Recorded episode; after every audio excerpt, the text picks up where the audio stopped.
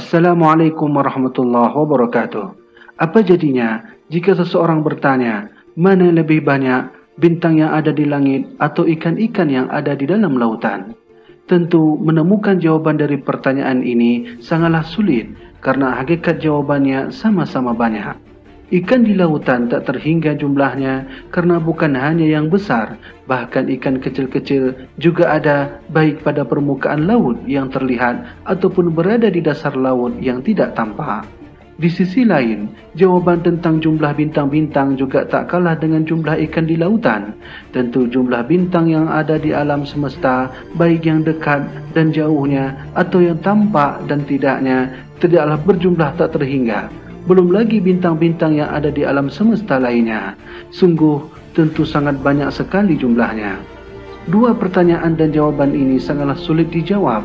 Namun bagaimanakah sesungguhnya jawaban sebenarnya jika memang ada seseorang yang bertanya demikian? Dan bagaimanakah cara kita menjawabnya? Sekarang, mari kita bertanya kepada seorang ulama sufi bernama Abu Ali Hasan bin Hani Al-Hakami tentang dua persoalan sulit ini.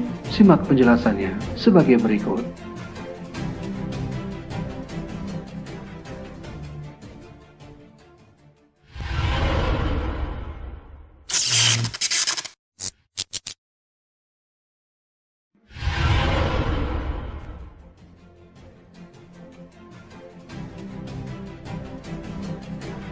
Tahukah anda siapakah sebenarnya Abu Ali Hasan bin Hani Al-Hakami itu? Beliaulah yang selama ini dikenal dengan sebutan Abu Nawas.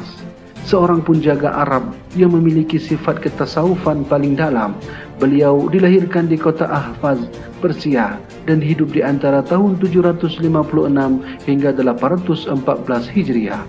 Beliaulah satu-satunya pun jangga sufi yang selalu viral dengan segala perbuatannya karena memang logika humor beliau sangat masyhur di kalangan para ulama, raja dan masyarakat pada masanya.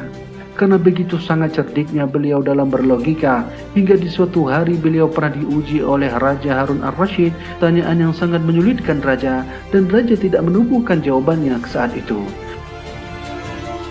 Pertanyaan itu adalah mana yang lebih banyak ikan di lautan, atau bintang di langit?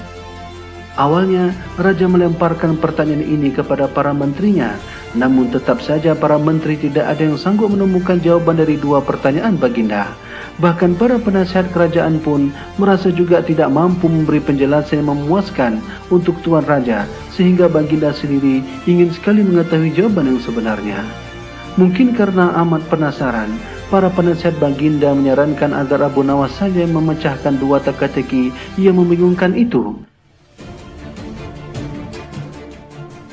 Tidak begitu lama, maka datanglah Abu Nawas untuk menghadapnya. Baginda mengatakan pada akhir-akhir ini ia sulit tidur karena diganggu oleh keingintahuan meningkap dua rahasia alam tersebut. Saat itu, Abu Nawas bertanya, Tuanku yang mulia, sebenarnya rahasia alam yang manakah yang paduka maksudkan?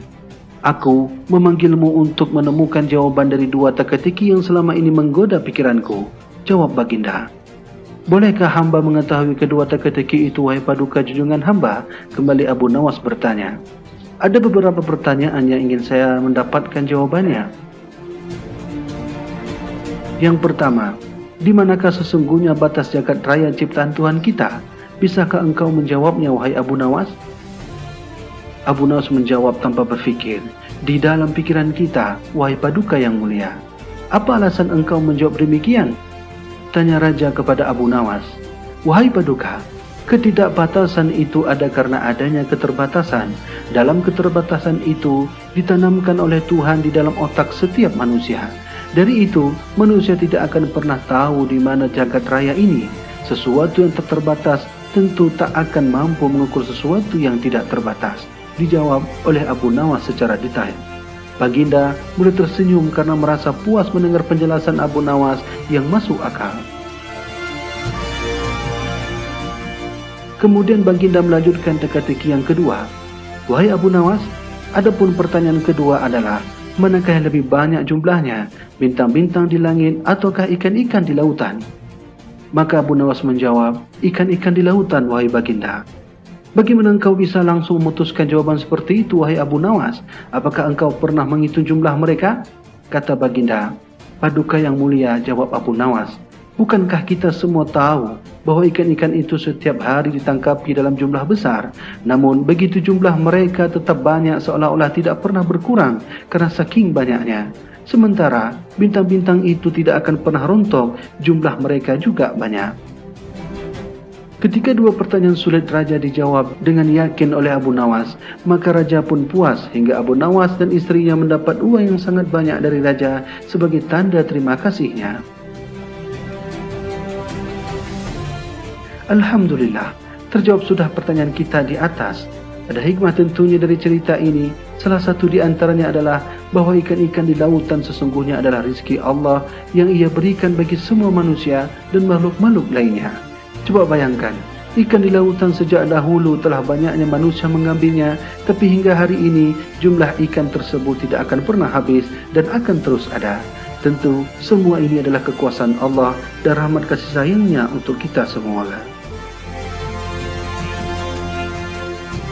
Semoga kita selalu jadikan oleh Allah Subhanahu wa taala sebagai hamba yang selalu bersyukur kepadanya. Wallahu alam bisawab.